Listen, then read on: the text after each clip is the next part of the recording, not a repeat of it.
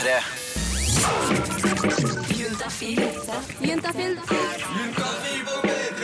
Med programleder Tuva Fellmann. Og enten du vil eller ikke, så er jula godt i gang, folkens. Det er gavebånd, det er glitter, det er julekuler, glade røde fjes overalt. Eh, og poenget med denne tiden det er jo at man skal være kjempeglad. Altså, det er jo det som er greia. Det skal være lykke hele veien, og det vet vi. Men så vet vi også at dette er jo ikke nødvendigvis sant. For det jeg tror, da, det er at der det er kjærlighet og lykke, der er det også f.eks. sjalusi. Og det er jo ikke noe vi nødvendigvis forbinder med noe positivt. Og det er dette her vi skal snakke om i dag. Denne sjalusien. Den kan ødelegge så mye forhold som i utgangspunktet er helt fine. De går rett i dass. De kjører seg fast på krangling om ting som ikke har en dritt å si. Men så på den andre siden så kan det tenkes at dette her er jo en forsvarsmekanisme. Folk er jo utro i 2013, så i enkelte situasjoner er det jo gode grunner til å være sjalu. Er det da en bra greie? Og hallo, det finnes jo ikke bare sjalusi i forhold, det finnes jo for folk som er single også. Det er så mye spørsmål, og jeg skal prøve å få svar på alle sammen i løpet av den neste timen her på P3. For det er Juntafil som tikker og går, og jeg heter Tuva Fellmann, blir her frem til klokka åtte. Og det, min venn, det håper jeg du også gjør. Hvis ikke så kommer jeg til å bli litt sjalu. NRK P3. Eh, og dette med sjalusi, det er en vanskelig greie. Eh, og jeg tror at det er en del som kjenner mye mer på det enn andre. Eh, men uansett så har vi nok vært innom følelsen, og den følelsen er så tung til tider. Den kan ødelegge ting som var så knall. Det var helt tipp topp, og så kjørtes det rett ned i dass.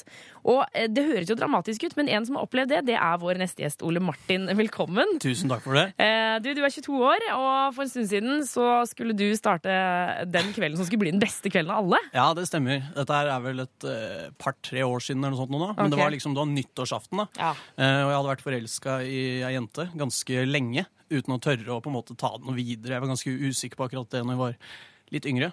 Eh, og så skulle jeg da si til henne eh, liksom den kvelden at nå skal vi bli eh, nå, nå, nå kan vi kanskje bli kjærester, på en måte. Ja. Eller jeg skulle, skulle prøve meg skikkelig. Da. Jeg skulle ta steget opp. Ja, ja. Eh, og så skulle jeg, når klokken nærmet seg tolv, så var jeg klar for å gjøre det. Eh, men da lå hun og klinte med en annen. Ei! Ei, ei, ei. Og Og da Hvordan var det i magen til Ole Martin da? Den var ikke god, og jeg var kjempetrist. Jeg, nei, det var, var nesten så jeg begynte å gråte. eh, fordi jeg hadde så sterke følelser for henne. da. Og da følte jeg veldig på en sjalusifølelse. Men, for, kan, klarer du å forklare hvordan den sjalusifølelsen kjennes ut? Sånn jeg opplever det, så er det å føle seg ganske alene, på en måte. Som at eh, det er noen som eh, ikke liker deg i det hele tatt, da, på en måte. Ja. Som, Eh, og den der med at man, det blir som en sånn klump i magen, på en måte. Definitivt. En stor klump. Men eh, Det blir veldig overveldende, hele følelsen. Og, og hvordan, altså Nå mener jeg ikke å skrape opp i noe sår her, altså, men eh, hvordan var det du liksom så disse to? Denne dama og han hun kliner med? Jeg husker det var uh, i sofaen. Ja. Jeg hadde vært uh, i underetasjen, og så kom jeg opp trappa. Kom jeg inn, og så Nei. Åh. Det er, vond, det er vonde minner. Men og hva skjer videre denne kvelden, da? Det som skjer videre, er at jeg prøver å finne en måte å få utløp for, eh, for mitt sinne og min aggresjon og sjalusi. Så jeg, jeg har løst det med å skrive dikt. Eh, noe jeg også gjorde den kvelden. Kjempefull skrev jeg altså et dikt. Eh, Jeg kjenner at jeg, det, det pipler rødfarge opp i ansiktet mitt nå eh, mens Ja, vi mitt- mitt snakker om det. Er det noen mulighet, Ole Martin? Uh, du, altså, må bare, for dere som ikke ser Ole Martin, du ser ut som en veldig sånn streit fyr. Blå skjorte, pen genser over, fin klokke, Ja. Uh, streit sveis på håret og sånne ting. Men du har også satt deg ned nyttårsaften, som knustes. Mm. Som ble knust som et eh, lite tårn uh, som ble velta. Uh, Og skrevet dikt. skrevet dikt. Ole. Martin. Lite utdrag? Lite utdrag. Få Ja, høre. Jeg skal, jeg skal til og med skru av min mikrofon. OK, gjør det. Vær så god. Ondskap. En ny måte å se ting på. Ignorere noen, forføre noen. Det er likeså. Ondskap er å ikke fortelle. All den kjærtegn du følte og så, i et bang skal smelle. Vil du ha mer? Holder det?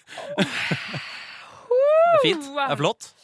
Og dette var, altså, dette var ditt eh, sjalusidikt, Ja, liksom. det, det, det var rett og slett det. Så Men, for du er på ondskapen, altså. ondskapen Kan jeg bare si hvordan jeg avslutta det? Oi, du, oi, men, ah, det- hvis det er mer, da, kjør på. Kjør Ok. på. I dag er gatene fylt av kjærlighet. Jeg løy. Ikke i dag. Unnskyld at jeg ler. Nei, det går bra. Det går bra. Det er ganske distansert forhold til det nå, Åh, egentlig. jeg blir svett, Ole Martin. Jeg blir svett. Men du altså, for, for det er jo noe med, med denne liksom, intense følelsen. Tror du det kan funke å skrive dikt? Uh, nei, jeg vil ikke anbefale det. Jeg vil ikke det. Det funka ikke veldig bra. Men Eh, endte, du, endte du opp med den dama? nei, ikke Du det. gjorde ikke det Nei, nei, nei, er du gæren. Å, Nei, nei. Og, det, og dette er ikke eneste gangen jeg har følt meg forlatt og har skrevet et dikt. altså. Jeg må bare også få si det. Så det er liksom Det, din terapi? flere. det er min terapi. Ole Martin, tusen takk for opptreden og historie. Takk for at jeg fikk komme. Uh, det var uh, Det var deilig. Ja. Jeg, tror jeg, jeg syns vi skal tipse folk ja, om at det kan man gjøre når du er skikkelig sjalu. Skriv det ned. Noter tankene dine. Gjerne i rim. Gjerne i. Juntafil. På P3. Der fikk du Bastille med låta Off The Night. Du hører på Juntafil på NRK P3. Og Tuva Fellmann heter jeg. eh, Og det å være sjalu det blir ofte beskrevet som en negativ greie. Mange av mine guttekompiser, eh, når de har fått seg en ny dame som ikke er sjalu, så sier de liksom hun er helt fantastisk. Hun blir aldri sjalu. Kan henge med alle jentene mine, og hun bryr seg ikke noe om det. En av de har jeg nå fått besøk av. Det er Oda på 24 år. Velkommen til Juntafil. Takk skal du ha. Du, eh, du blir ikke noe særlig sjalu. Nei. Hvorfor ikke det? Jeg tror det er fordi at jeg trekker meg ut hvis jeg merker at det er sjalusi inni den relasjonen jeg har. Så trekker jeg meg ut veldig fort, for jeg syns det er en veldig destruktiv ting. Ja. Så jeg, da unngår jeg det. Hvis jeg merker at det blir et tema, så er det ha det bra. Da bare, altså, hvis, hvis du hadde fått en eh, liksom, ny kjæreste nå, og han ble veldig sjalu på deg, så hadde det vært sånn nei, nei, dette går ikke. Jeg hadde jo selvfølgelig sagt ifra først at uh, det her er ikke akseptabelt, du skal få en sjanse, men hvis det fortsetter, så er det nei. Det, det er hardbarka, altså. Ja, men man må stille litt krav. Men eh, en gang så ble du eh, ordentlig sjalu. Ja. Eh, kan ikke du fortelle hva var det som skjedde da? Ja, jeg var i et forhold med en veldig snill fyr. Det var helt udramatisk. Ingenting, eh, Alt var bare fryd og gammen. Og så var vi på et julebord sammen med hans kollegaer. Og da eh, har han en, en jente da, som jobber under han, og de jobber veldig tett sammen, visste jeg. Eh, Jeg hadde aldri vært noe sjalu på henne fra før, men på denne festen da, så stormer hun inn i en eh, åletrang rød sånn eh, senorita-kjole. Og en eh, kort, kort sånn skinnjakke, og så har hun eh, en, eh, to champagneflasker, en i hver hånd, og liksom kommer litt sånn woo! Og hele rommet tar helt av, og jeg ser at eh, eksen min bare lyser opp og bare wow. Og da tenkte jeg uff, dette det nå, Da kjente jeg sånn stikk inni meg, og så prater han med henne hele kvelden og sitter og ler, og de har det kjempegøy, disse kollegaene som da jobber sammen tett hver dag. Og, Ja, og De, er liksom på, de har sin egen sjargong, og de har masse interne liksom, spøker og sånne ting. Ja. Så jeg trekker meg litt unna, blir liksom sittende i baren og prate med litt sånn folk jeg kjenner, og så går det litt tid, og så kommer han selvfølgelig bort til meg til slutt. Hei, går det bra? Koser du deg i kveld? Og så kommer det litt sånn jeg syns at du ikke gir henne altfor mye oppmerksomhet. Og kom med, liksom, var helt ærlig og bare fortalte hva jeg følte, og han som du bare slapp av, jenta mi, og la, la, la. Ja, det var ikke sånn at han var liksom kjempeforelska i henne? Nei, nei, nei. Og det her kom jo opp flere dager etterpå, og da liksom var det Ja, det er, det er helt greit. Men hvordan kjennes det ut da for deg som, som ikke blir sjalu til vanlig, men som plutselig blir det? Det er ikke noe gøy. Du har ikke lyst til å være hun dama som er sjalu. Jeg prøver for alt jeg kan å unngå å være det. Ja. Men når du er glad i noen, så vil det jo oppstå en eller annen gang uansett, tenker jeg. Eh, og så er det jo en hendelse hvor du faktisk har vært hun i seniorita-kjole, holdt jeg på å si. Ikke nødvendigvis at du hadde på deg den, men du ble hun som man ble sjalu på. Ja, Eh, hva skjedde der? Det var da barndomskjæresten min, den første. Vi var sammen i sånn tre måneder og skilte som veldig gode venner. Ja. Og vi er venner en dag i dag. Vi har veldig mye til felles og møtes av og til på Løkka og tar en pils. og Ja, og da er det bare kompis. Det er eh, bare kompis. Det er ikke noe eh, undertone der. Nei. Eh, men jo, så skulle jeg, jeg skulle ta kontakt med han. Vi skulle avtale når vi skulle ta den her pilsen. Og så prøve å søke han på Face. Og så er vi ikke venner på Facebook. Så jeg, det, det kan jo ikke stemme. Men så får jeg eh, til slutt tak i det, for han har ikke blokka meg. Så jeg får sendt han en sånn me melding. Ja.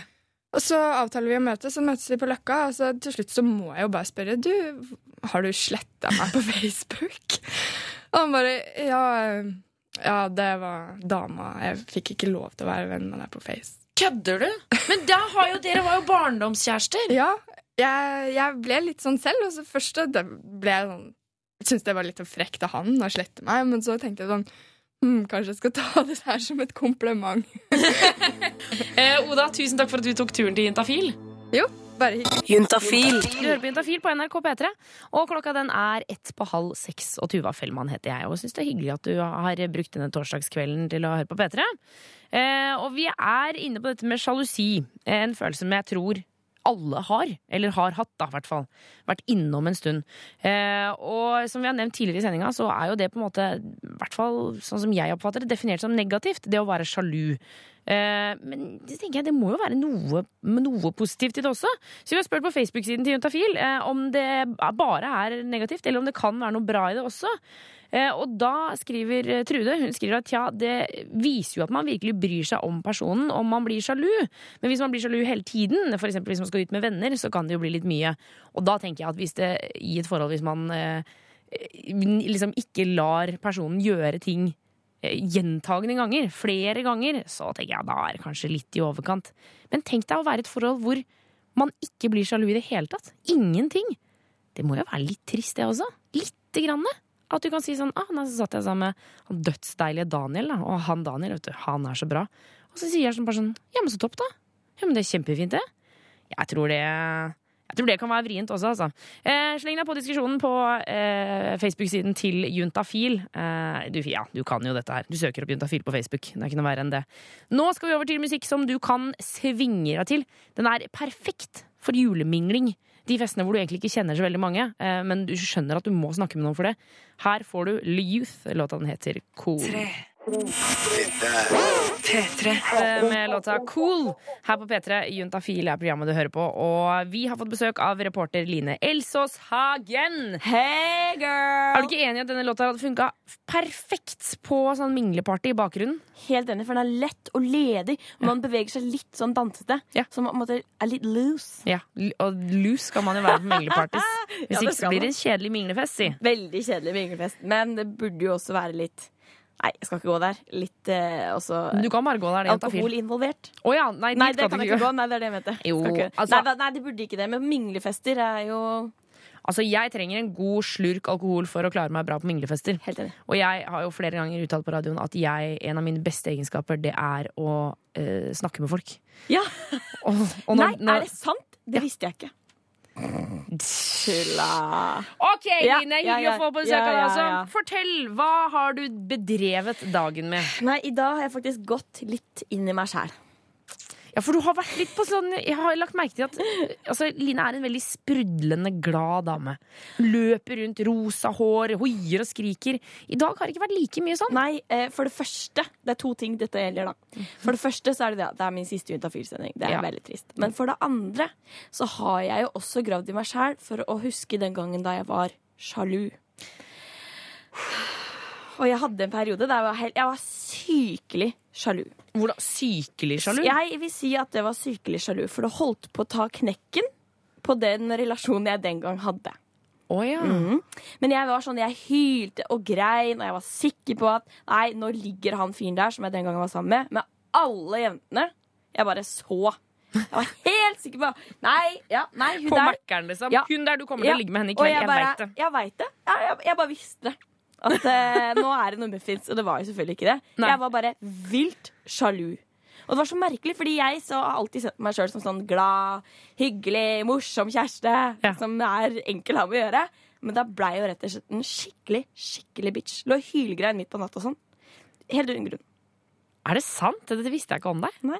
Nei, altså, jeg føler at jeg hadde min periode Det her er en god del år siden da Jeg hadde den perioden Og så lærte jeg fryktelig mye For jeg kom jo ut av det Ja. Men eh, det var veldig snodig For det var sånn siden av meg selv Jeg ikke ante at jeg eide Og det var sånn eh, Ja, det var nettopp det at jeg, jeg var sikker på at han eh, gjorde muffins Eh, Og da har man det jo vondt Det er jo ikke noe deilig å tro at kjæresten driver muffins. Det er ikke noe deilig.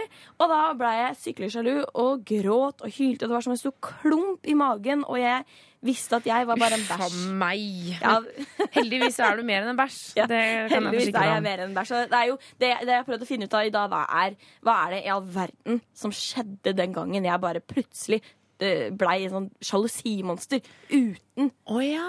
Mhm, Uten grunn. uten grunn. Fordi, altså, Selv om du legger det frem dramatisk her, eh, men, Ja, jeg kan jo kjenne meg igjen i den. For jeg har jo selv sittet der og tenkt sånn Nå er det noe som skjer. Ja. Han elsker henne. Han vil være sammen henne hele tiden. Han driter i meg. så Nei. er det ikke sant i det hele tatt. Nei, det er, det er ikke sant i det hele tatt. Og, og, det, og det å være sånn øh, Sånn sjalu at man ødelegger andre ting, det er jo ikke bra. Nei. Da begynner det å gå over stokk og stein. Så da skal vi også få vite hvorfor det skjer, liksom. Ja, hva er egentlig sjalusi? Juntafil på P3. En status fikk du her på Juntafil på NRK P3. Tuva Fellmann heter jeg. Um, låten heter Count On Me. Hun som sitter ved siden av meg, hun heter Line Elsås Hagen, er Juntafil sin reporter.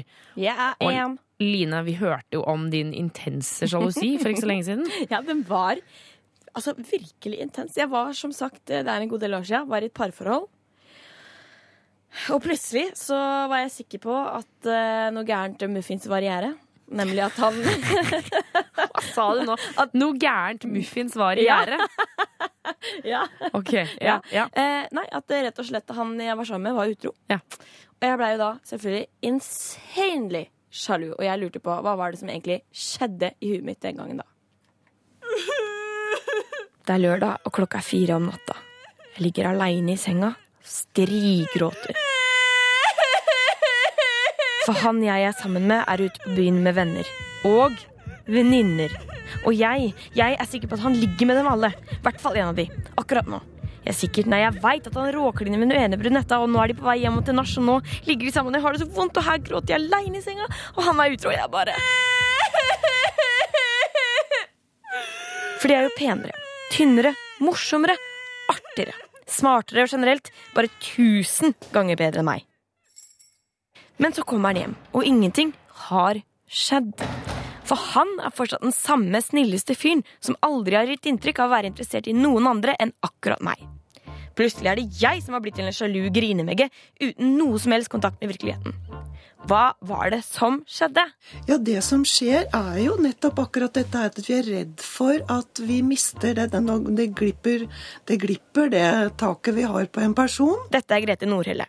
Hun er forfatter og psykolog. Så er det jo gjerne at det kommer inn en annen person som vi lurer på å, kanskje den personen har noe som ikke jeg har, som min kjæreste da kan bli interessert i. Så med en gang vi begynner å snakke om det, så kan vi jo si da at hvis vi er usikre på oss selv, har lite selvtillit, dårlig selvfølelse, så blir vi lettere sjalu enn hvis vi opplever at vi er veldig verdifulle. Jeg hadde derimot ingen grunn til å ikke føle meg verdifull. Dette var alt i mitt hode. Men selvtilliten min, den var nok som sagt passe bånd. Og det gjorde meg til en masete, slitsom kjæreste. Og den, når det er helt normal oppførsel fra den andre parten, og vi hele tiden hakker på den, spør, maser, gnåler, eh, så til slutt så blir det jo en selvoppfyllende profeti. Da er det virkelig blitt farlig at det du er redd for, det skjer i praksis fordi du har plaget den andre så fryktelig mye. Altså, man kan nesten grave sin egen sjalusigrav. Ja, rett og slett kan man gjøre det. Det er jo helt forferdelig. Ja, det er forferdelig, for nå snakker vi om den sykelige sjalusien. Jeg klarte heldigvis å stoppe før det gikk så langt. Men hva er egentlig forskjellen på vanlig sjalusi og sykelig sjalusi? Ja, det er jo en gradvis overgang fra det som jeg vil si er veldig vanlig, da, å være sjalu. Når du er virkelig glad i noen, så er du samtidig eh, naturlig redd for å miste den personen. De fleste mennesker har litt grann av eh, sjalusien. Men når det begynner å bli at vi skaper massevis av eh, utrygge situasjoner i alt som er, altså at hjernen løper løpsk, og det er jo det den gjør når vi har angst, da skaper vi noe som ikke er virkeligheten. Ja, det er jo det som er skummelt, da. At man bare lager noe som ikke er sant. Ja, og man eh, overbeviser seg sjøl om at dette er virkeligheten. Og sånn kan det jo ikke gå an. Nei. Så jeg tenkte jo, tenkte jo også prøve å finne ut av hvordan man kan bli kvitt denne her sjalusien. Ja. Tre. Dette er P3. Fantastisk eh, norsk musikk. Kråkesølv hjem til jul. Jeg håper du fikk litt julestemning i deg nå. Eh, enten om du er på jobb eller er ute og kjører bil, eller kanskje løper rundt på kjøpesentrene for å skaffe alle gavene. Jeg, Tuva Fellmann og Line Elsesagen, reporter her i Juntafil, vi har ikke handlet julegaver i dag. Vi har ikke handla julegaver, vi har bare vært på jobb. vi, Tuva. Vi har bare vært på jobb, eh, og det er jo eh, noen ganger tenker jeg at det er nesten deiligere å ha masse å gjøre på jobb enn å ha mange julegaver å kjøpe. Altså, jeg ville heller vært 100 dager på jobb enn å handle julegaver i ti dager. ok, det er så Ja, jeg, eh, ja det syns jeg er et eh, stress. Ja, det er, det er stressende. Men nå skal det legges til at vi har ganske kul jobb. Eller jeg liker i hvert fall jobben Ja, min veldig det, godt. men det er vel også kanskje det jeg prøver å si. Å, ja, ja, se der, ja. Se der, ja. Em, men det er jo egentlig ikke dette vi skal snakke om. Line, Ja. Eh, vi har sett en side av deg i dag som vi ikke har sett før. Min sjalu mase-bitche-side. Altså, jeg, jeg vil dra det så langt og si din liksom crazy side. Altså din maniac-side. jeg er litt gæren? Ja, for vi, jeg har Altså, jo vi har allerede established Altså, vi har satt deg Du er litt gæren. For du eh, fortalte jeg, Altså, du begynte å grine klokka Ja. fire om natta. Fire om natta lå jeg og hylgrein, og jeg hiksta som en annen baby. Fordi at jeg var helt sikker på at eh, den personen jeg den gangen hadde et forhold med for disse par år sia, var utro. Og jeg var så sjalu Ja. at jeg holdt på å sprekke. Men da må jeg stille spørsmålet Var det noen grunn til at du skulle være sjalu? Nei! Det var ingen grunn! Jeg hadde ingen, altså ingen pekepinne på at noe var i gjære. Noe muffins var i gjære. Overhodet. Så det her var bare i mitt eneste hode, der hvor alt skjedde. Ja. Eh, og det er, eh, Vi hørte jo nettopp også psykolog Grete Nordhelle fortelle at eh, dette er typisk for sjalusi. Fantasien løper løpsk. Og eh, tankene bare Og da tror man nesten til slutt på det. Da kan det bli litt sånn angst hvis det er, det er en sykelig sjalusi. da Ja, vi, og det er jo det er en ille sjalusi, liksom. ja, det er Ja. mer enn å få litt sånn ulmende følelser når typen din snakker med en annen dame. Ja, Liksom. det, det går helt greit. Eh, eller det er ikke Det tenker jeg er helt normalt. Ja, det er helt normalt. Så det her er jo den verste type sjalusi, da. Ja. Eh, men så nå tenkte jeg da eh, Nå veit vi jo liksom hva sjalusi er, men nå må vi også finne ut av åssen vi i all verden kan bli kvitt den, da. Du må observere deg selv og se og betrakte, for tanker kommer lynraskt. Og når tanken begynner å komme, nei, nå kommer den tanken, slå den bort. Og for å klare å holde den på avstand, så må man bli engasjert i noe annet. Jeg hadde en periode da jeg var helt vilt sjalu.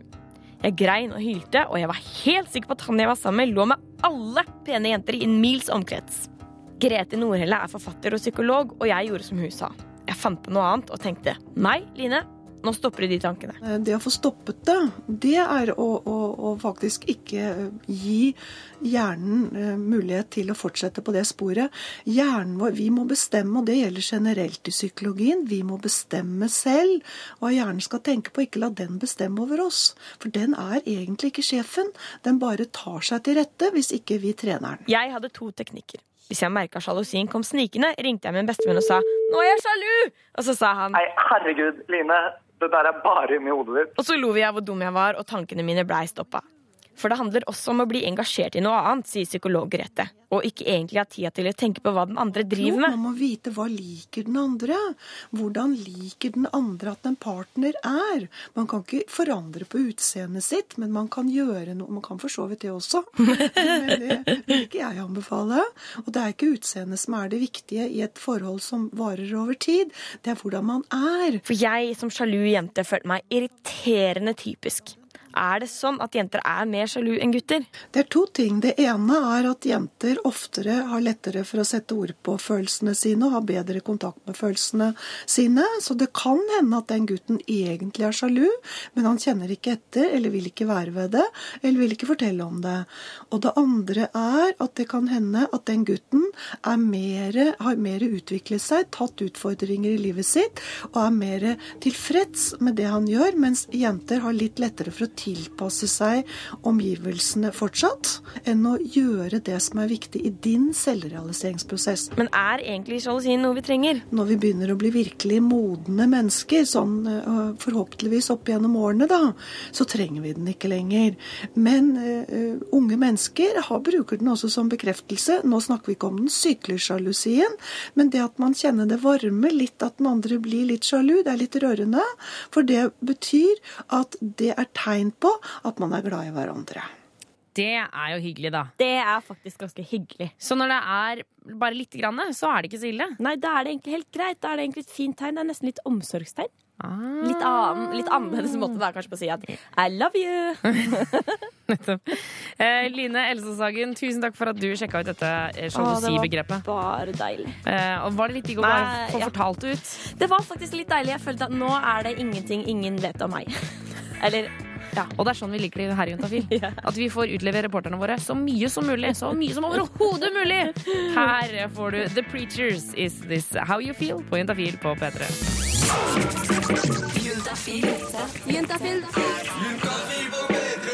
Med programleder Tuva Fellmann.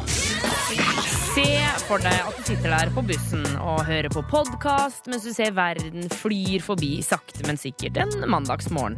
Men plutselig så er det akkurat som noen skyter deg med en pil i magen. Det er akkurat som det går støt igjennom hele kroppen din, for du kommer på at nei, fader! På lørdag så glemte jeg å ta p-pillene mine. Jeg bare, hele dagen gikk så fort. Det bare, jeg var ute på shopping, og det var brunsj, og det var ditt, og det var datt, jeg var fillesjuk. Og så glemte jeg det bare. Det er ikke noe å gjøre med nå. Men hva skal jeg gjøre da? For hvordan er det? Det er noe med en uke frem i tid, bak i tid. Når er mensen? Hvor skal jeg gjøre det? Her skjønner ingenting. Og når du sitter i sånne situasjoner, det er da vi Juntafil er gode å ha. For i løpet av den neste timen så skal vi svare på alle spørsmål du måtte ha om sex, kropp og følelser. Enten det er det at du har glemt p-pillene din, eller om det er det at du er forelska i læreren din, eller at det er det at du sliter med å få benderen. Det kan være tusen ting du lurer på. Og det som er greia er at når du sender en melding til oss, så sender du den til 2026, kodeord juntafil. Og jeg og syslege Ida, som straks kommer inn i studio, vi får aldri vite hvem du er, så du kan skrive hva pokker du vil. Eh, Det er nyttig for oss hvis det er et spørsmål, men eh, skriv hva du vil. Vi får aldri vite hvem du er. 2026, kodeord juntafil. Og jeg heter Tuva Fellmann og skal med glede guide deg gjennom to timer til med sex, kropp og følelser her på Juntafil på P3. Jeg håper du slår følge. Og det er sånn at eh, i denne timen mellom seks og syv her på P3 så får vi besøk av en lege, en SUS-lege. Eh, Og vår har nettopp kommet inn i studio. Det er SUS-lege Ida. Velkommen! Tusen takk, Tuva. Eh, godt å ha deg tilbake her i studio. Vi blir jo alltid hakket tryggere når det er en lege på besøk. Og det er med god grunn, for dere kan mye. Eh, og du som hører på, du kan sende inn eh, ditt spørsmål til 2026, kodeord juntafil. Eh, og husk å ta med kjønn og alder på SMS-en din. Og så skal Ida og hennes kollegaer svare på alle sammen, enten det er på lufta eller i løpet av morgendagen. Det stemmer. Eh, og SUS det er, står for Senter for ungdomshelse, samliv og seksualitet. Eh, og det er, det er det dere driver med. Å svare på spørsmål. Ja. Første spørsmål som har kommet inn. Det vokser litt for mye hår i raude, står det i sånn gåstein. Jeg, tenker, jeg tipper at det er rumpa. Um, så jeg barberer det vekk. Er det fare for at det blir skjegghilsen gutt 19? Um, både ja og nei. eh, altså, sannsynligvis nei, da, fordi han her er 19 år. Mm. Det, er, det, er litt sånn, det er en ganske vanlig myte det der med at hvis du barberer, så blir det mer hår. Eh, det er veldig mange som tror det. Ja, For det er, ikke, er ikke det sant? Nei, det er ikke sant. Og jeg også ble opplært i det når man er uh, ung jente og noen begynner å snakke om å barbere seg under armene og sånn, at det kommer til å bli skjegg. Ja. Eh, og det er jo klart at eh, det som ofte kan misoppfattes som skjegg, det er jo det at hårstråene de blir jo tynnere helt ytterst. Så når de er lange, så vil de ofte virke litt mykere og tynnere, da, ikke sant? Fordi at de blir tynnere når de vokser. Ja.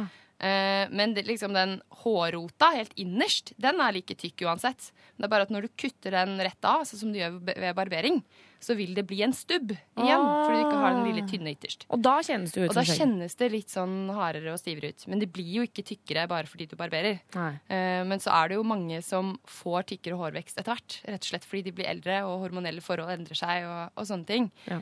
Eh, nå vil jeg kanskje tro at gutt 19 er ferdig med puberteten. Og han er jo en voksen mann, så det er ikke sikkert han får mer hårvekst. Men mange menn får jo mer skjegg også frem til de er 30 år. Så kan det jo godt være han får mer hårvekst også. Ja. Mm. Men, Men- det er ikke på grunn av det. Men jeg tenker jo uansett, er det liksom så far... Ja, altså, han er redd for at det skal bli liksom skjeggete i rumpa, på en måte. Og det, men det vil jo da bli Det vil jo føles skjeggete når det har vokst litt ut etter at han har barbert, på en måte. Ja, Men det er ikke noe sånn at det blir noe permanent mer hår fordi han barberer. Nei. Så det er jo bare å vente. Hvis han syns det er ubehagelig med de stubbene, så er det bare å vente til det vokser ut igjen. Ja. Eller så kan han vokse seg, da. Det er også en mulighet. Er For da blir jo hårene ikke så harde, for da blir de jo ikke kuttet av, på en Nei, måte. Da blir de ofte også litt tynnere, i hvert fall sånn forbigående. Ja, med tiden. Har jeg hørt. Jeg tror det stemmer. Um, jeg tror også det stemmer. Um, tenker at Vi skal snart ha en sending om voksing her på Jentafil. Um, send ditt spørsmål til 2026, kodeord jentafil. Vi skal svare på alt sammen. Husk å ta med kjønn og alder på SMS-en din. Og nå er det bare å danse litt sånn halvslow inntil den du er ved siden av. Her er Hold On, We're Going Home på P3. No, I don't think I will kiss you. Although you need kissing badly. That's what's wrong with you. You should be kissed and often, and by someone who knows how. Og eh, syslege Ida, du sitter her i studio og skal svare på SMS-er. Er du klar? Å ja da! Å ja da. Um, skal vi se her, Ida. Du må ta den, eh, denne mikrofonen. Ja. Der. Bytta litt på, bare. teknisk trøbbel her i studio. eh, Men vi har fått inn masse SMS-er til 2026 kodeorientafil. Eh, Blant annet en her hvor det står Hei, har hatt et åpent sår nedentil eh, i siden sommer. Det klør det, For det meste så klør det og svir. Har vanlig utflod mens ingen blemmer. Hva kan det være? Hilsen jente 29. Ja, eh, det kan være flere ting. Eh, det er ikke mulig sånn på stående fot å svare på akkurat hva det er uten at jeg har sett det selv. Mm. og da kommer neste poeng. Dette er noe som bør sjekkes ut. Det er ikke sånn at man skal gå rundt med et åpent sår i underlivet. Jeg lurer på, Hva er liksom definisjonen på et åpent sår? Altså, Det varierer nok veldig fra person til person hva man legger i det. Ja. men uansett så er det jo da et sår som ikke gror, da, eller som gror dårlig. På en måte. Og når du har gått rundt med det i flere måneder, så er det greit å, å se hvorfor det ikke gror. Ja. Fordi at eh, det er klart at man kan få rifter i underlivet. Det er ikke helt uvanlig, det. Um, spesielt hvis man har hatt mye sex og ikke kanskje vært ordentlig våt. Eller liksom. Mange årsaker til det. Uh, men hvis man f.eks. har en annen irritasjon, da, f.eks. en soppinfeksjon eller en kjønnssykdom, Mm. så er det også ting som kan bidra til å holde sånne rifter åpne. Eller Å oh, ja, at det, at det liksom Ja, OK, så jeg skjønner. Det Jeg liksom er stadig irritasjon da, som gjør at det ikke gror ordentlig. Ja.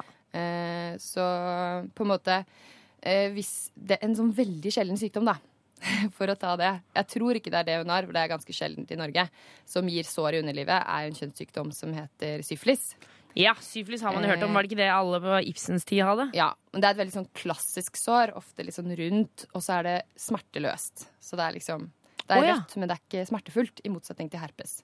Eh, men en lege vil veldig fort kunne se forskjellen på det, og eksempel eh, en rift som bare er eh, Ja, Som ikke gror pga. ja, som sopp eller noe sånt? sopp eller en annen irritasjon. Men syflis, altså, kan vi få en liten sånn oppdatering? Altså, bare understreke at det ikke er så veldig aktuelt i Norge lenger. Nei, eh, det er eh, vel omtrent, eh, så vidt jeg husker, 250 cirka tilfeller i året i Norge. Ja. Og da er det veldig ofte folk som har reist til utlandet.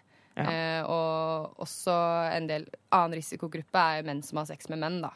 Men gjerne sånn Thailand og vært litt borti Nå, nå blir man veldig sånn generaliserende, da, men prostitusjon, ja. Ja, Mm. Prostitusjon i andre verdensdeler. ja. Det er sjeldent blant uh, unge heterofile unge i Norge. Men, men hva er det som altså, hva, hva- er liksom verste utfallet på syfilis? For jeg, jeg, altså, jeg husker liksom ikke helt det. Det er jo en, sykdom som, eller, altså, en kjønnssykdom som jeg har på en måte alltid lært at nei, men det får du ikke uansett.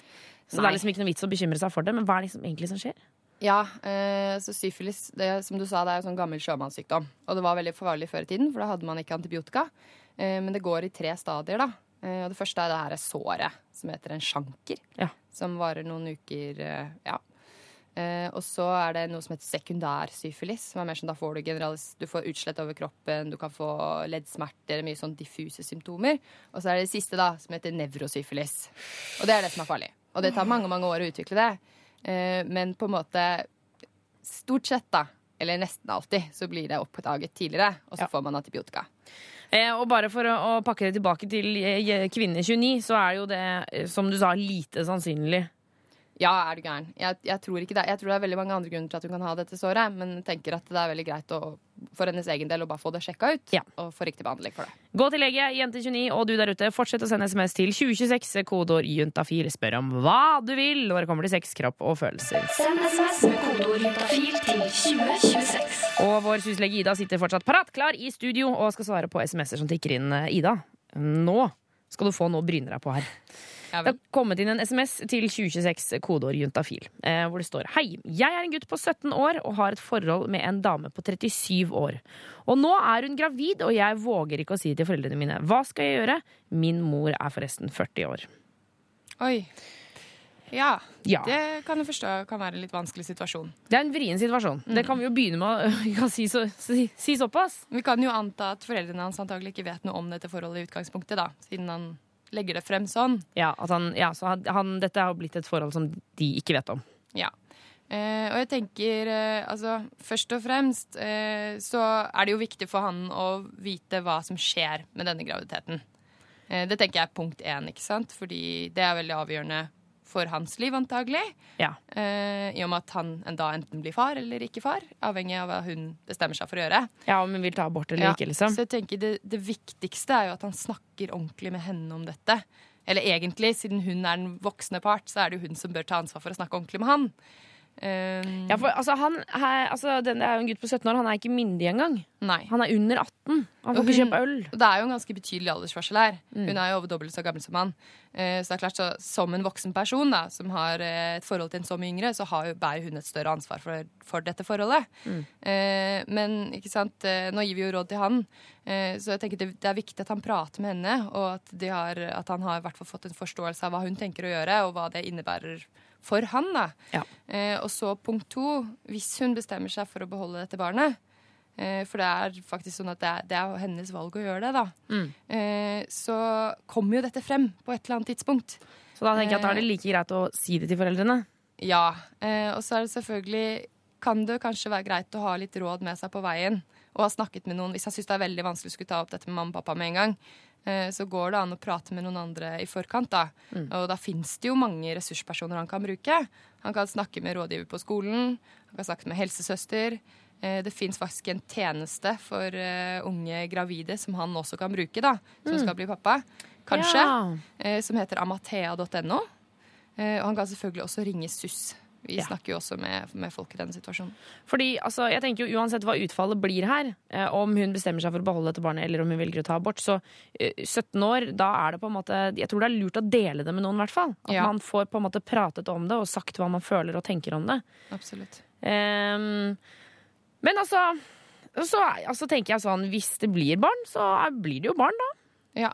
Det er jo, Folk har jo hatt så store altså forskjell, aldersforskjeller før. Ja. Og det, det er klart, veldig mange vil kanskje synes at det er ubehagelig å fortelle sånne ting til foreldrene sine. Men igjen, ikke sant? det kommer til å komme frem. Uh, og så tenker han, han må bare sette seg ned og liksom tenke hvilke alternativer har jeg faktisk. Og hva blir i så fall konsekvensene av det. Og det, er, det, er, det kan umulig være så ille. Altså, de kaster deg ikke ut av huset, antageligvis. Um, så punkt én, eh, snakk med denne dama. Eh, finn ut hva som faktisk skal skje. Mm. Punkt to, eh, finn noen å prate med. Og forbered deg kanskje forberede på, på deg. å ta opp dette med foreldrene dine. Ja, og så punkt tre, hvis det blir barn, ta det opp med foreldrene dine. Fordi Ja, det- altså, barnebarn, de ser man. Ikke Man sant? legger Han, merke til det. han her er jo 17, så hvis han får et foreldreansvar, så blir det overført på hans foreldre. Ja. Vi sier masse, masse, masse lykke til. eh, og ja, lykke, lykke til. Syslegen forteller oss noe vi ikke vet.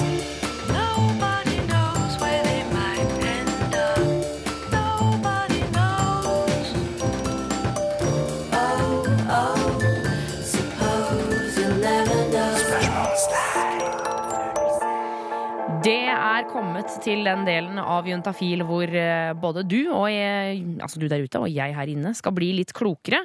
Vår syslege skal fortelle oss noe vi ikke veit fra før av. Og Ida, vår syslege. Altså, jeg må, jeg må sette meg og se på det. Dette har jeg gledet meg så mye til, for jeg skjønner hva du, jeg vet hva du skal snakke om. Ja, Det er jo du som har bestilt det.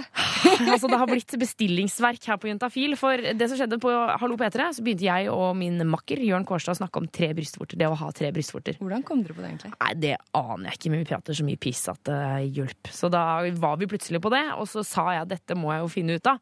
Ja, Eh, det har jeg selvfølgelig gjort, da. Du har funnet Ja, ut av det? ja, ja. Endelig! Jeg, jeg gleder meg. Ja. Jeg, altså, det ble så mye diskusjon. Vi ble så usikre. Kan det komme melk? Hvorfor kommer de? Hva er dette for noe? Mm. Og nå, Ida, vær så snill, gi oss svaret. Ja, Tre brystvorter, eller en ekstra brystvorte, det kan uh, alle pattedyr få. Faktisk.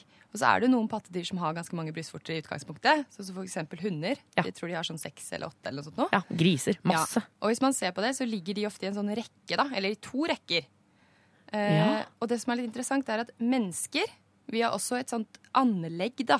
En såkalt me eh, melkelist, heter det. Som er sånn fosterrest. Ja, ja. Og Er det sant? Ja. Det er sånn spotter i lystaket i taket! Har det. Eh, så det ligger en sånn derre eh, rest da, fra fosterlivet. Helt fra albuen, altså gjennom brystvorten og helt ned til skrittet på begge sider. Og den ekstra brystvorten, den kan komme på hvor som helst da langs denne her eh, På lista? lista. Vanligvis på lista. Men eh, du kan faktisk også få en ekstra brystvorte så langt ned som på foten. Nei, vet du hva? Nei, det tror jeg ikke noe på. Du kan ikke få brystvorte på føttene. Kan man det?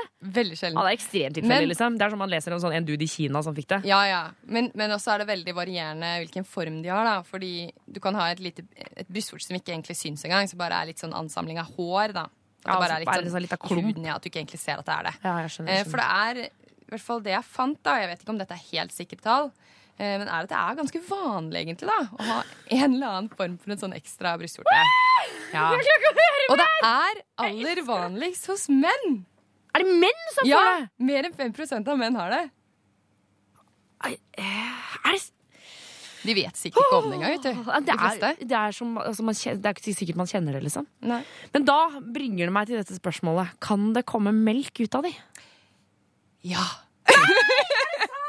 Jeg beklager at jeg blir så opprørt av dette her, men dette er så sjukt for meg. Men det er Jeg trodde dette var en myte. Jeg trodde den tredje brystvorta var en Ja, myte. men det, er sånn, det er ikke sånn at hvis du har en tredje brystvorte, så vil det alltid komme melk ut av den. Okay. Eh, det er tvert imot, da. Men det fins, som jeg sa, disse kommer i veldig varierende form og størrelse. Og alt sånt der. Eh, og i de fleste tilfeller så er det bare en brystvorte eller noe brystvorteaktig noe. Som ikke er en ordentlig brystvorte engang. Kunne liksom vært en vorte, på en måte. Ja, Og det ser, omtrent. ja, kunne nesten sett ut som det, Eller, liksom. eller liksom bare litt fortykka hud. Men noen ganger så kan det være noe som heter Altså at det er et ekstra bryst. da Et sånt minibryst. Og det er ikke sikkert det ser ut som et bryst, men at det ligger litt sånn kjertelvev bak. Eh, og du kan faktisk ha sånn kjertelvev også uten å ha en brystvorte. Noen har liksom en ekstra pupp. Den er ofte litt liten, da. Eh, men, men i hvert fall hvis man har litt sånn brystvev og en brystvorte, og liksom ordentlige melkeganger og sånn, Da kan det bli melk. ja, da kan det bli melk. Men igjen, da, ikke sant? dette var jo vanligst hos menn, og det er faktisk vanligst med en pupp hos menn også. Altså, Ida, det er så mye her jeg ikke visste fra før av. Det er så mye! Men de får jo ikke, melk, de får jo ikke melkespreng, Nei, liksom. de, de gjør ikke det. Med mindre det er noe annet i bånn, da. Det bør man undersøke i så fall. Også, også, og, da, og, jeg, jeg ser liksom dette så tydelig for meg nå. Eh, men, men det er altså det, så det du sier, at det, er ikke, det ser liksom ikke ut som du har tre brystvorter. Altså, for den tredje blir på en måte ofte litt sånn Ja, igjen, det, det, det varierer. Men altså, de, de som sier at de har en tredje brystvorte, der er det nok ganske tydelig. Men det er nok ganske mange som har en eller annen rar liten eh, klump som de ikke helt vet hva er, som kanskje er et anlegg til brystvorte. Ida, tusen, tusen takk for denne informasjonen. Dette var gøy. Dette var gøy. Send SMS med kodeord juntafil til 2026. Og syslege Ida sitter fortsatt her i studio. Og vi har jo spilt av to låter, men før det så snakket vi om eh, tredje brystvorte. Em, og og jeg kjente jo at dette visste jeg jo altfor lite om, for jeg, dette var jeg ikke oppdatert på i det hele tatt. Jeg ble jo så gira. Jeg ante ikke om dette her. Og så har jeg googla litt. Det er utrolig mange som har piercet sin tredje brystvorte. Mm. Jeg finner masse bilder av det på nett. Hvor, altså, har de liksom rundt omkring på magen. Jeg har sett en som har det på foten, og som har altså, tatt piercing i de. Det viser jo litt at det er jo egentlig ganske harmløst, da. Det er jo bare en naturlig variasjon. Ja, Kanskje det er litt tøft.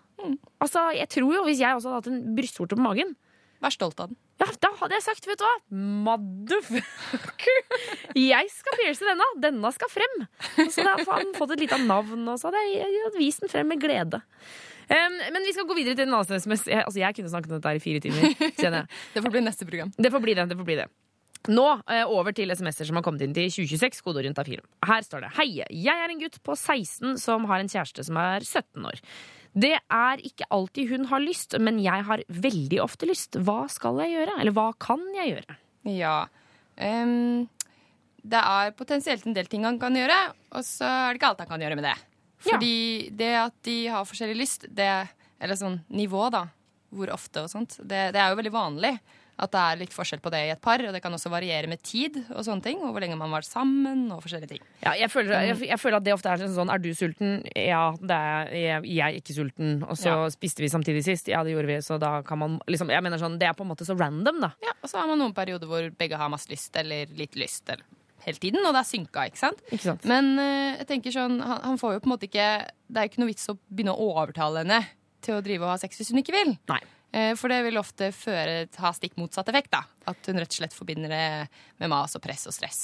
Ja, og, og Eh. liksom eh, hvis hun sier nei én gang, så liksom ikke fortsett da, på en måte. Hvis hun sier sånn nei, jeg orker ikke, så liksom hvis du da gir og gir og gir, og gir og hun bare nei, nei, nei, nei, nei, så må du jo gi deg til slutt. Ja, ikke sant? Og da, da kan ofte motsatt taktikk være litt bedre. da At man gir hverandre litt rom og litt tid.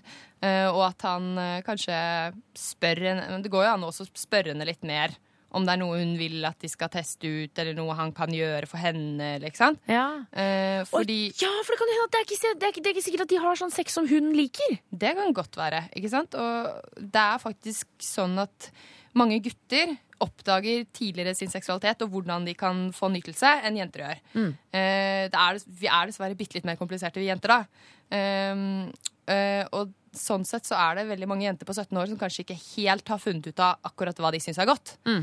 Eh, og det må jo hun selvfølgelig gjøre mye med selv. Hun må jo onanere på egen hånd, for det må man ofte for å finne ut hva som er bra. Ja. Eh, men det er også noe de kan jobbe med sammen. Ja. Så lenge hun vil det også, da.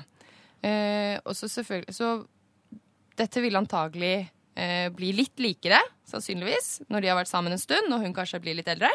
Eh, eh, og, og de jobber sammen med det. Eh, og selvfølgelig, hvis det er sånn at hun ikke har lyst og han har kjempelyst, så er det jo lov å gå og onanere, er det ikke det? Ah, herlig må det, det må da for pokker være lov. Hvis han er sprengkåt og hun er tørr som ei lita ørkenslufes, så må han få lov til å, å gå inn på badet. Men jeg, jeg tenker, det jo, kan jo være viktig å være åpen om det, da. At Ja. man har forskjellige behov. Og vi prøver å ha et godt seksualliv sammen, og vi vil gjøre det som begge har lyst til. Og når den ene ikke har lyst, så, så kan det være at man har snakket om at da er det greit at den andre onanerer. Ja. Onanering er alltid innafor, spør du meg. Så lenge det ikke er i offentligheten, da, er det ikke innafor lenger. Ikke helt. Eh, faktisk ulovlig. Eh. Syslege Ida, før du stikker, så skal du få svare på et siste spørsmål. Um, og vi kan igjen legge til at alle dere som har sendt inn SMS og ikke fått svar, kommer til å få det på SMS i løpet av morgendagen, og det er bare å fortsette å pøse på med spørsmål til 2026, kodeord juntafil. Nå, hei! Eh, Jeg lurer på om penis noen gang slutter å vokse. Eventuelt når. Hilsen gutt 21. Ja. Penis slutter å vokse.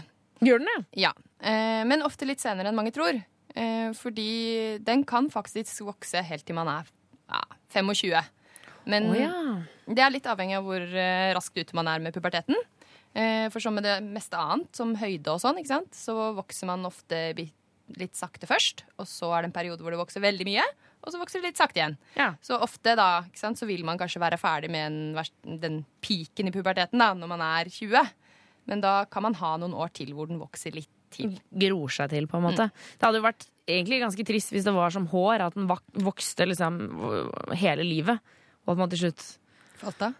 Eller ikke falt av, men man måtte rulle den inn som en sånn lita sånn garnnøst eller noe sånt. Jeg tror vi skal være glad for at den slutter å vokse. ja. Det er det jeg prøver å si. Vanlig størrelse er da mellom 10 og 20 cm. Er det i erigert eller vanlig? I erigert tilstand hos en 25 år gammel mann. OK.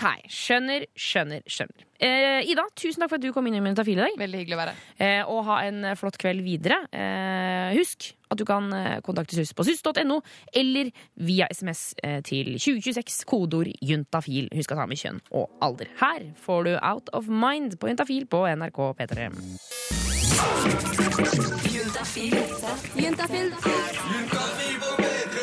Med programleder Tuva Fellmann.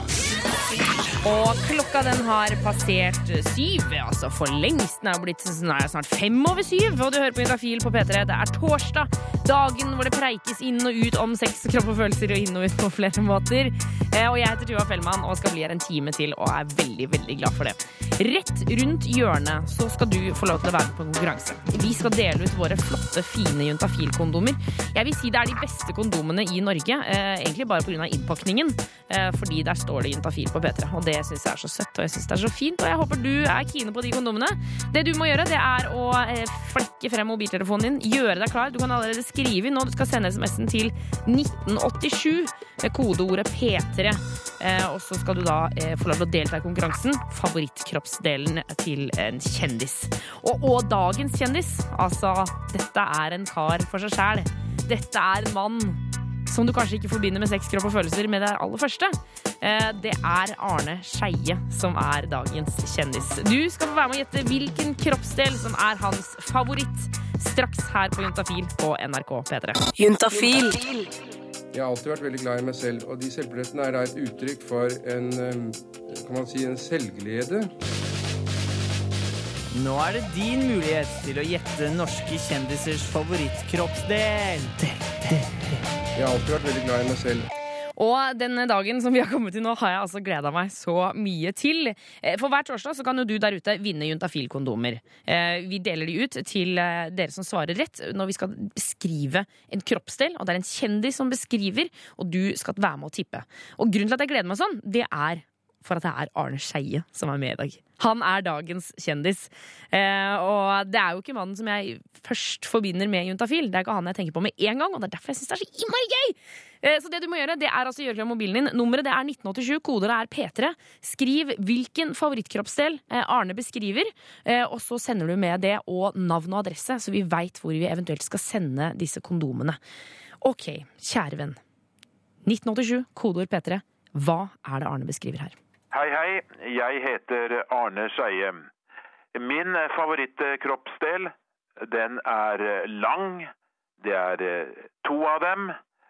Og alle er veldig, veldig opptatt av dem. Og eh, vi bruker hver av dem hver eneste dag, døgnet rundt. Noen har korte, noen har eh, lange. Ja, det spørs nå, da. Hvilken favorittkroppsdel er det som blir beskrevet her? Det brukes hver dag. Man har to av de. Og så er det noen som har hår, og noen som ikke har det.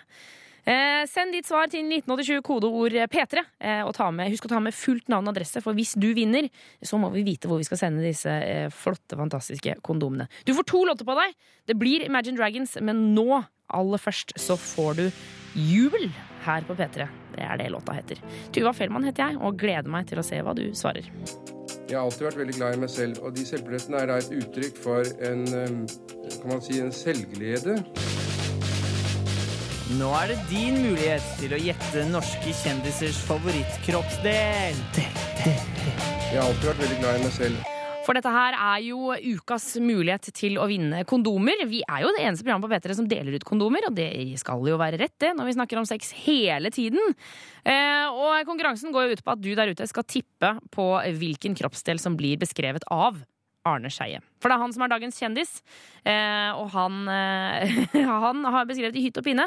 Så det du må gjøre, det er å sende en SMS til eh, 1987, kodeord P3. Eh, ta med fullt navn og adresse, eh, og så tipp på hvilken kroppsdel det er snakk om her. Hei, hei. Jeg heter Arne Skeie. Min favorittkroppsdel, den er lang. Det er to av dem. Og alle er veldig, veldig opptatt av dem. Og eh, vi bruker hver av dem hver eneste dag, døgnet rundt. Noen har korte, noen har eh, lange. Ja, og i, i dag når jeg hørte dette her, eh, for det var ikke jeg som var og traff eh, Arne Skeie, det var reporter Line, så, så tenkte jeg at herregud, kan det være ballene han beskriver? Kan det være det? Eh, Og det er, det er ikke bare jeg som har tenkt det, for det er flere som har sendt inn SMS-er og sagt dette må være ballene. Det er det han beskriver. Eh, og så er det en del som har sagt armene, og så er det en del som har tatt til rett. Og før vi sier hva svaret er, eh, så kan vi jo få et siste tips fra Arne. Og for alle idrettsfolk eh, er de utrolig viktige. Og eh, mange idrettsfolk blir identifisert med hva de har gjort med en av disse kroppsdelene, som jeg setter så veldig pris på. Ja, så Hvis du har tunga rett i munnen der, så skjønner du jo kanskje eh, hva svaret var. Vi har i hvert fall kåret en vinner. Det er Karoline som stikker av med dagens kondompakke, som kommer hjem i posten, for hun svarte jo selvfølgelig rett. Jeg er eh, Arne Skeie, og som de fleste eh, vel forstår, så er min eh, favorittkroppsdel beina. Beina var riktig, så Karoline stikker av med kondomer eh, ja, som du får i posten. da. Og det er selvfølgelig mulighet for å vinne kondomer utover i neste år. Utover i 2014, eh, som er faktisk skremmende nærme. Eh, men nå skal vi over til noe ganske annet, for nå har vi delt ut. Da er det slutt. Vi må gå videre i livet. Eh, og vår reporter Line hun har tatt beina fatt. Eh, hun er ganske rask, hun har ganske korte bein, så da går det jo eh, fort. Hun må bevege de sånn en liten dags, og så løper hun ut. Eh, hun har i hvert fall gått ut og skal snakke med folk der ute, og det får vi høre om ikke så altfor lenge. Først så skal vi bestille, bestille faktisk. Først så skal vi spille nydelig musikk. Låta den heter Walk, og du får den på Juntafil på NRK P3. Hold deg her på kanalen for å høre hva Line har å finne på. Og vi veit jo alle at det er noe sjuke greier, for hun er jo ikke riktig klok.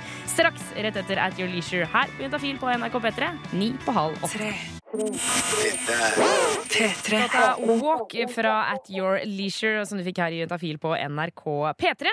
Og eh, nå tenkte jeg at vi skulle eh, gå ut fra dette lille trykket eh, studio. Trykke det. Trykket, trykket. Eh, ja, samme det. Skjønner du hva jeg prøver å si? Ja, jeg skjønner hva du prøver å si. Dette, eh, litt, eh, jeg, eller jeg tenker at du prøver å si hetende, litt dampende, litt klamme studio. Det var akkurat det jeg skulle si! Det, Det var var det! du tok ordene ut av munnen på meg, bare i etterkant. jeg bare synonymer. Synonymer. Eh, yes, yes, yes. Fordi vi har sånn, sendt deg ut i eh, Oslos gater i dag. Ja, nå skal jeg rundt og rave her rundt folka. Og jeg elsker det. Det er det beste jeg vet. Når jeg kan få løpe bort til folk og si sånn Hallo, hva syns du om sex? Det er mitt favoritt. Favoritting å gjøre. Men før vi begynner på sexpraten her, som vi selvfølgelig skal ta for oss siden det er juntafil, jeg lurer på hvordan er, er julestemning ute nå? Det er jo ikke lenge til julaften. Ja, vet du hva? Det er helt krise antijulestemning. Det Det, re det regner, det er mørkt. Det kunne like gjerne vært høst. Det er ikke så kaldt engang. Jeg blir svett i den store lilla boblejakka jeg har på meg. Ja. Kjempetrist. Jeg håper det er kaldere rundt omkring i resten av landet. Altså. Ja, det håper jeg òg. Er sånn, jeg ser en fakkel stå langt borti det andre gatehjørnet. Og det tenker jeg det er litt hyggelig, men det er likevel null julestemning her nå per tidspunkt. Ja, ok. Jeg skjønner. Eh, Det er jo ikke noe annet enn trist, kjenner jeg. Eh, Nei. Men eh, det er dessverre ikke så mye vi kan få gjort med det. Eller kan vi det kanskje det? Ja, jeg tror kanskje vi jeg tror På en rar måte? Ja, på en, på en litt rar måte kan vi få gjort noe med det. Fordi jeg tenker jo jula er jo tida der man skal og burde kose seg masse og varme seg på hverandre. Men jeg veit ikke om folk er så flinke til å gjøre det. Snakker du om ligging nå, liksom? Jeg snakker om ligging. ja, Kose seg det. på hverandre og varme seg på hverandre? Var det sånn barne-TV-snakk for eh, sex? Ja, det var det. Her Ok. er Juntafil. Her er det bare å pøse på, Line. Ligge sammen, knulle. jeg kan komme med flere synonymer. Men eh, for, ja, for det jeg tenkte, da tenkte jeg å prøve å finne ut av, er om folk kommer til å få seg noe i jula. Å ja, hvordan utsiktene for jula 2013 er? Ja. Ai, ai, ai. For det er jo en del mennesker som går ut eh, altså, jeg Nå tenker jeg på de single, da. Som går ut eh, første juledag, andre juledag, og da er det jo gode sjanser, for alle er på en måte så gira på liksom ja, få den kosen de ikke har fått, da, kanskje. Ja, veldig gode sjanser, men jeg må jo også legge til at det å få seg noe kan man jo også gjøre i et parforhold. Å, ja, ja, ja, ja, selvfølgelig. Men jeg, nå tenkte jeg først og fremst på de single. Og men parforholdene skal vi også ta fra. Rekker man å ligge når det er så mye gaver og familiemiddager og sånn? altså, jeg mener jeg har tight tidsskjema fra ni om morgenen til ni om kvelden. Så for meg er det sånne ting utenkelig hvis jeg hadde vært i et parforhold. Da. Får vi håpe vi treffer på litt mer eh, liberale og joviale folk enn deg. Ja. Um, Line, du får bare holde deg ute. Vi skal spille litt musikk, og etter det så skal vi høre om eh, Ja, man, folk tror de kommer til å få seg noe i løpet av jula. P3. P3. Alt J med låta 'Dissolve Me'. Og du hører på Juntafil på NRK P3, og jeg, Tuva Fellmann, står i studio her aleine. Min reporter, eller vår reporter, Line Elsås Hagen, eh, har farta ut i eh, Oslos gater. Men før vi snakker om det du skal gjøre nå, Line. Det er din siste Juntafil-sending i dag. Jeg veit det! Du skal ikke jobbe hos oss lenger. Det er så trist, Tuva. Åh, men derfor så tenker jeg at i dag så skal du få lov til å gjøre det beste av det beste. Og det var jo å spørre om folk skal, kommer til å få seg noe i jula. Ja, det er faktisk det beste av det beste. Jeg tenker jeg kan, det er en så fin avslutning at jeg nesten blir rørt av det bare å tenke på det. Men jeg må jo si at det er veldig trist. Jeg er kjempetrist. Jeg våkna til morgenen og tenkte nei, fy faen, dette er min siste juntafil-dag. Mm. Hvem er det jeg skal få lov til bare å snakke med sex om da, hele tida? Men eh, da kan jo eh, trøste deg med at du skal jo fortsette, og for til alle dere andre som er Line-fans, Line skal jo fortsette å jobbe i P3. Ja. Eh, Vi skal høre henne masse fremover, eh, men bare ikke akkurat dette programmet. Og vi skal jo jobbe i samme ganger, Line, så da kan vi snakke om sex da, når vi går forbi hverandre. Ja, det kan vi for så vidt. Så kan vi ha sexlunsjer. Sexlunsjer, det hørtes feil ut, men alt er mulig. Alt Ja, er alt er mulig. Alt er mulig. Uh, OK, men du, Ja, nå har jeg jo en plan, jeg. Ja, få høre. Nei, for jeg tenkte at nå må jeg finne ut om folk eh, faktisk kommer til å få seg litt varme i jula. Kommer de til å ligge sammen? Kommer det til å bli noe på de? Ja, ja, ja. Og altså, det kommer jo Her er det en guttegjeng. Eh, de ser litt sånn beskjedne ut, men det går bra. Nei, det er han her vi snakker. Skinnjakka. Hei. Hei sann, hei sann. Du, kommer det til å bli noe på deg i jula? I jula, Jeg skal stå vakt i jula, så jeg håper at det kanskje kommer noen opp på Slottet, kanskje. Oh, Oppå Slottet! Er det lov til å ligge utafor Kongens hus? Ja, Det er det nok ikke, nei. Har du noen gang prøvd? Jeg har ikke prøvd, nei. Ikke ennå. Men hadde han tørt hvis Men- noen hadde tilbudt det? Hadde du tørt hvis det hadde kommet ei jente opp til deg foran Slottet nå i jula? Uh, nei, det hadde jeg sannsynlig så du gikk ut litt breit der, med andre ord. Ja, ja, ja. Litt breit. Litt breit. Men du håper det blir en på deg, da? Ja, det har vært hyggelig. Ja ja, alle jenter, stikk på Slottet. Der er fin skinnjakke. Ja, ja, og han- Gratis ligg. Da har han nok på seg uniform også, vet jeg. Og jeg mener uniforms. You ain't fucking around with those. Det er stas, det. Det er stas, det. Men du, Tuva, nå kommer det jo Jeg bare tenkte jeg må spørre noen som er litt kommer det en eldre dame her. Jeg spør hun. nei, okay. Spør det. Nei, nei. Jo, gjør det, gjør det, gjør Ja, okay. Du, unnskyld? Hei. Kommer det til å bli noe på deg i jula? Nei, du må ikke intervjue meg. Jeg er ikke Nei. Nei. Ikke? Nei, hun, Nei. hun vil ikke snakke Nei. om det. hun vifta rundt, men hun dytta vekk armen min. Så, fysisk kontakt er så hyggelig når det skjer på den måten. Men, men jeg tenker sånn, du utfordrer jo skjebnen her ved å spørre gamle damer om de kommer til å få seg noe. Ja, men tenk om det plutselig er hun rå eldre frua som bare er helt vilt seksuelt aktiv. Da vil jeg gjerne møte hun. Ja, det er veldig sant. Men eh, det kommer ei til her. Skal jeg ta hun? Ja, ja, ja, ja. Du, unnskyld. Kommer det til å bli noe på deg i jula, tror du? Nei, Er ikke interessert og i det? Ikke interessert i det. Dytta meg vekk. Nummer to. Konge. I jula. Blir du lei deg når du blir dytta bort, Line? Eh, nei, vi blir vant til det. det går bra. Det går bra. For jeg må jo bare si at det, det kan jo hende at det er fordi at eh, folk er det, er altså, det er en av de siste dagene man kan kjøpe julegaver.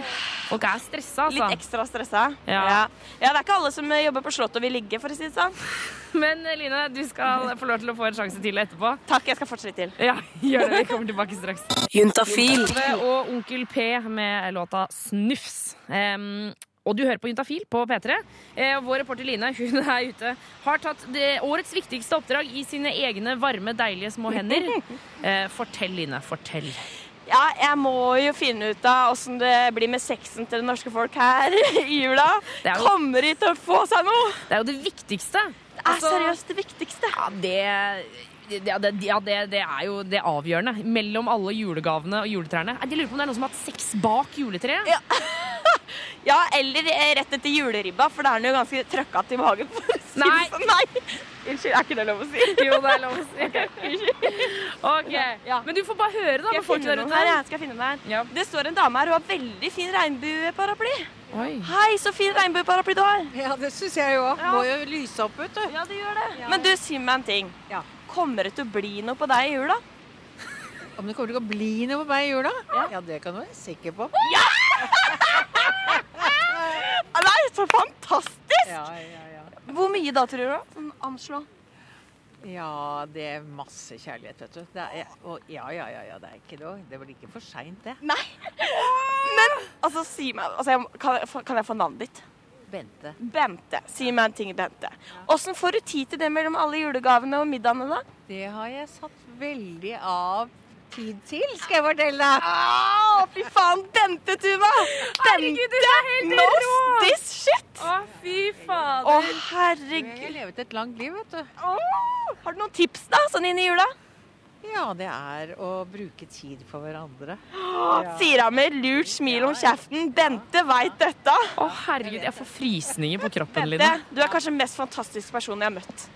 Nei, nå må du gi Det er deg. helt sant. Er det sant? Det er helt sant. Ja, men altså, jeg tror på kjærlighet og det å gi, jeg. Og da får du tilbake også, skjønner du. Det er så deilig. Det er så deilig. Ja. Jeg tror Jeg tror jeg er så varm inni meg. Bente, ha en riktig god jul. I like måte. Nyt den. Ha, nyt den. Ja, nyt den, sier jeg også. Å, herregud, for en dame. Bente kommer til å nyte jula. Å, fytti Hun katta. kommer til å få seg mye. Åh, hun har satt av tida, og hun har ordna alt sammen. Det er viktig. Det, vi må ta tipset fra Bente. Sett av en liten halvtime. Sett av tid. Nyt det. Ja, ja, Bruk tida. ja. Åh, nå ble jeg helt ør, jeg. Skal, skal, vi, skal vi ta en te, eller? Altså, det er jo Eller- en risiko ved å gå fra Bente eh, til noen andre, men jeg syns vi skal prøve oss, Eline. Ja, jeg, synes det, altså, tenker jeg, jeg tror jeg skal få tak i ei jente. Ja. Ja. Det synes jeg er litt artig. Her er det veldig mange Nå kommer, du vet, Her er det en million busser. Nå kommer det en haug av folk av. Skal vi se. Her er det ei Skal vi se. Du, unnskyld, du har på seg rosa kåpe. Oi. Eh, jeg lurer på, Kommer det til å bli noe på deg i jula? Jeg eh, eh, Nei. Nei. Nei, hun smilte veldig og dytta meg vekk. Hun var ikke som Bente, sier Nei, hun var ikke som Bente. Hun bare sånn Nei. Et siste forsøk, Line. Et siste, et siste forsøk. Ja, nå skal vi se her. Unnskyld? Unnskyld. Hei. Unnskyld. Unnskyld. Hei, du. Eh, ei jente i beige jakke her, Tuva. Kommer det til å bli noe på deg i jula? Jeg vet ikke. Nei. Kanskje Hvorfor tror du ikke det? Det spørs hva du mener. Jeg lurer på om du kommer til å ha sex med noen i jula, tror du? Nei, fordi kjæresten min skal reise bort. Å, stakkar! Hvor er det han skal dra, da? Til Afrika. Oi! Langt av gårde! Det er veldig langt. Jeg har jo kjæresten her, da. Åh, men det var veldig langt, da. Men du kan jo ha sex på andre måter da, enn med kjæresten din. Ja, men jeg tror nok ikke det. Nei. Nei, nei, dere får ha, kanskje dere får ha noen sånn hyggelige Skype-samtaler. og Sånn ekstra hyggelig.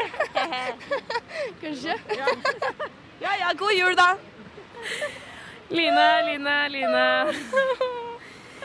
Men det er jo sånn det er. Altså, det er forskjellig hos alle mennesker. Ja, det er det. Noen skal få seg noe, noen skal ikke. Noen gjør det med vilje, og noen bare får det ikke fordi de ikke får det. Nei, og noen bare dytter den vekk når den prøver, så det, så det er jo også en mulighet. Men Line, avsluttende spørsmål her. Kommer det til å bli noe på deg? Nei, jeg tror ikke det. Å, jo da! Nei da, jeg skal, jeg skal, jeg skal en tur til Polen, så kanskje det blir noe der. OK. Line, du får komme deg opp igjen i varmen her. i Ja, jeg Petre. skal Du skal få deg noe her, altså. Det blir hyggelig. Tusen takk, jeg håper det.